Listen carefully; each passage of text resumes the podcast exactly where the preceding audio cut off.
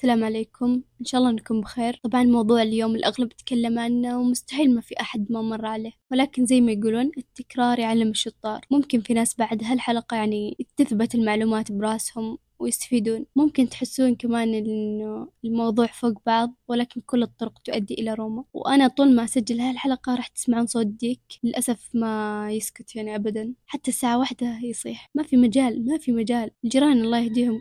اسمع أيوة. الجيران كل يوم جايبين لنا حيوان جديد يعني أنا متوقع المرة الجاية يجيبون بقرة فترقبوا. المهم أحب أنوه قبل أبدأ إنه الحياة وقت يعني ليست صراع أو منافسة. صحيح إن الإنسان يسعى للأفضل بس ما ينافس. يعني يصير يقول أنا أفضل وأنا وأنا. من ينافس أو يصارع في هذه الحياة ما راح يستمتع فيها أبدا. كلنا عارفين هالشيء طبعا أنت مختلف تماما عن الآخرين ولا تقارن نفسك فيهم لأنهم مو زيك. ما عندهم نفس عائلتك ولا عندهم نفس مزاجك ولا حتى عندهم نفس مشاكلك ولا قدراتك. الشخص الوحيد اللي عنده كل هالأشياء هو أنت فقط. بس قارن نفسك بما كنت عليه بالأمس. في مثل بالإنجليزي يقول Comparison is the killer of joy. يعني المقارنة هي القاتلة للمتعة والثقة في النفس والحياة وكل شيء يعني حلو ممكن يخطر على بالك. عشان كذا لا تقارن نفسك لأنك دائما بتلقى اللي أجمل منك واللي أذكى منك واللي أشطر منك دائما. فإذا قعدت في سباق مقارنة دائمة ما راح تعيش في سلام أبدا. فتقبل النفس وتصالح معها وإنه تحس بقيمتها واستحقاقها للسعادة من أهم ما يميز الإنسان السوي والمستقر نفسيا اللي يحس بالرضا عن حياته. وما يعني هذا إنه في ناس يعني تمضي حياتهم بدون شعور بالضيق أو شك في النفس أو ضعف الثقة أحيانا بس يعني شعور الاستحقاق يخليهم يتجاوزون مشاعر الإحباط بشكل أسرع يتعاملون مع الفشل بطريقة إيجابية. كثير ناس طبعا تسمع عن موضوع حب الذات بس ما تعرف إيش هو حب الذات. في ناس يشوفون هالكلمة أنانية ونرجسية وأي شيء يعني بس الفرق بين حب الذات والأنانية طبعا مو خيط رفيع بالعكس الفرق كبير جدا. حب الذات مبني على الحب والأنانية مبنية على الخوف. الخوف وحب الذات مبني على تقدير الذات ومحبتها والأنانية مبنية على أذية الآخرين إلى حد ما وعدم تقديرهم. وتذكر أنه حب الذات مستويات يعني مو هدف عشان توصل له. حب الذات رحلة وحالة أنت تعيشها. كل يوم تتطور فيها كل يوم تكتشف عمق جديد. كل يوم تحس نفسك تغوص بأعماقك بشكل أكبر. وطبعا كل الناس معرضين للشعور بالإجهاد وانخفاض تقدير الذات يعني في بعض الأوقات. بس بالنسبة للبعض يحسون بالشعور تدني احترام النفس والنقد الداخلي هو الأصل. يعني كيف؟ يعني يخليهم يصدقون إنهم فاشلين وإنهم ما يقدرون يسوون شيء وإلى آخره. حتى إنه يخليهم يوقفون تطور أي فرصة جيدة بتجيهم سواء كانت علاقات أو فرصة عمل أو حتى نجاحات. لأنهم يحسون إنهم مو جديرين بهالشيء أو إنهم ما يستحقون. وتذكر إنه الذات أعظم من إننا نحصرها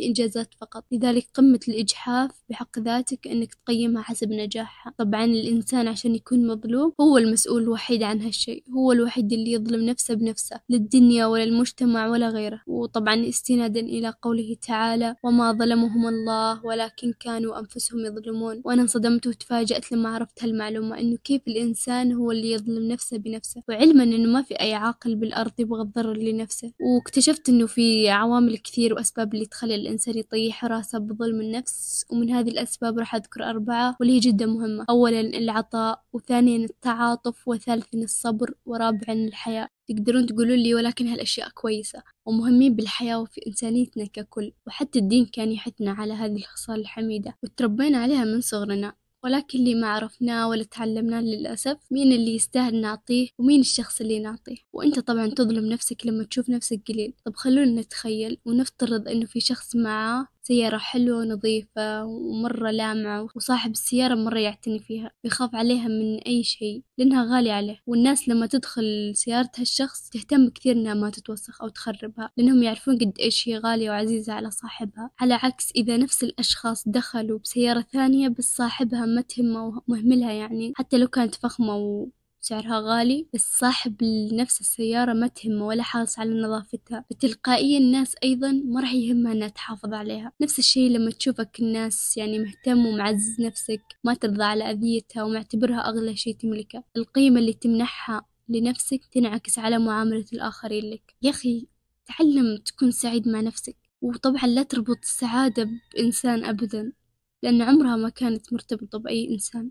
حط حدود في علاقاتك. خلهم يشوفونك زي ما يبغون. أهم شي ما حد يتجاوز هالحدود. والشخص اللي يستنزف طاقتك أو يستخدم ماضيك ضدك أو يستهين بإنجازاتك أو يقلل من قيمتك اتركه على طول. ليش لسه منتظر منه يتغير على حساب نفسك؟ في مرة أنا سمعت يقولون إذا تبغى برتقال خذ برتقال لا تنتظره يعني يصير تفاح. مدري العكس بس أتمنى وصلتكم المعلومة. يعني إذا تبغون برتقال أو شخص يقدر قيمتكم يعني ويحترمكم خذوا شخص كذا لا تاخذون شخص سيء وتنتظرونه يتغير. يعني أبدا أعرف قيمتك واعترف بأخطائك وتقبلها. وأعتقد أن أول خطوة للتصالح مع الذات هو أن الشخص يبقى ممتن للأخطاء اللي أوصلته لمرحلة الوعي. يعني صدقني اللي يبغاك بيعرف يوصل لك الآن حتى صاروا بالحمام يدخلون جوالاتهم معهم. ما في عذر إنهم ما يكلمونك أبدا. أنت المسؤول عن تعافيك. ليش لسه مستني اعتذار أو اعتراف بالخطأ أو محاولة تصحيحه؟ ومستنية من مين؟ من مصدر الأذى. يعني متخيل خلاص الناس اللي تسببوا لك بالألم ما هم مسؤولين عن تعافيك. هذه شغلتك أنت. هم سووا دورهم اللي هو الأذى وأدوك خلاص الآن مشوا. الآن مسؤوليتك أنت والتعافي مشوارك أنت. ويقول الإمام الشافعي إذا المرء لا يرعاك إلا تكلفا فدعه ولا تكثر عليه التأسفا فما كل من تهواه يهواك قلبه ولا كل من صافيته لك قد صفى. إذا لم يكن صف الوداد طبيعة فلا خير في ود يجيء تكلفا. يا رب تك- نطقت صح. شوف لو جربت حياة الإنجاز والتطور والتركيز على نفسك ولو مرة يعني ما راح ترجع للأشياء التافهة مثل العلاقات ولا إرضاء الناس ولا أي شيء بس بتهتم لنفسك. طبعا هذا ما يعني إن العلاقات مش مهمة بل هي ضرورة. بس تجي بعد ما تكون أنت خلاص مكتفي بنفسك بعد ما يكون عندك هدف بعد ما تكون هويتك وتعرف من أنت. كل إنسان في حياتك يعني لازم يكون إضافة. إذا الشخص مو موجود حياتك بتستمر.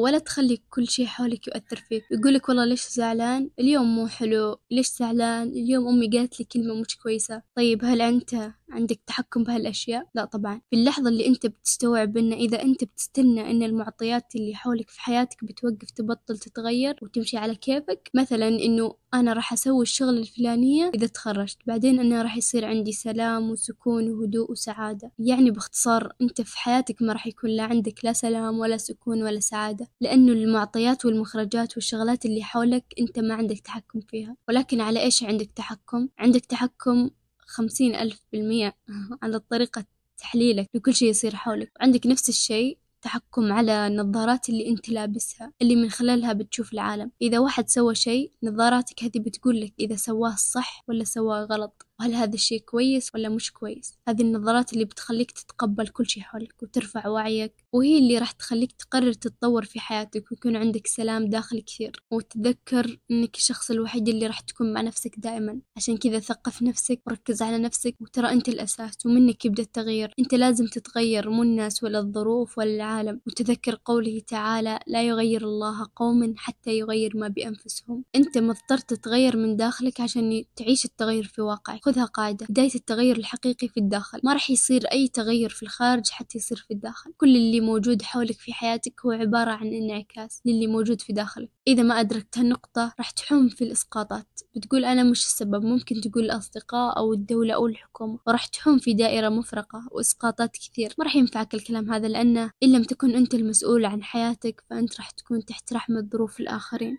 ومهما كنت يعني شخص جالس بالبيت أو أم لأطفال أو طالب أو موظف مهما كثروا مسؤولياتك تجاه الناس اللي حولك مهما كنت تتعب بيومك وفي آخر اليوم يعني تكون طاقتك خلاص مستنزفة لا تنسى أبدا إنك تخصص وقت لمساحتك الشخصية تعتني فيها بنفسك أو أي نشاط تمارسه أو حتى هواية. أهم شيء يكون وقت خاص فيك أنت يعني ما له دخل الناس واحرص هالشي دايما يكون موجود بروتينك اليومي. جربوها وصدقوني بتتغير نفسيتكم. واسأل مجرب ولا تسأل طبيب. يعني أنا أكثر إنسان فادني هالشيء. وفي الأخير تذكر إن اللي نفسك حق عليك. وشكرا لاستماعكم. وطبعا شكرا للديك لأنه ما خلاني في حالي. ومع السلامة.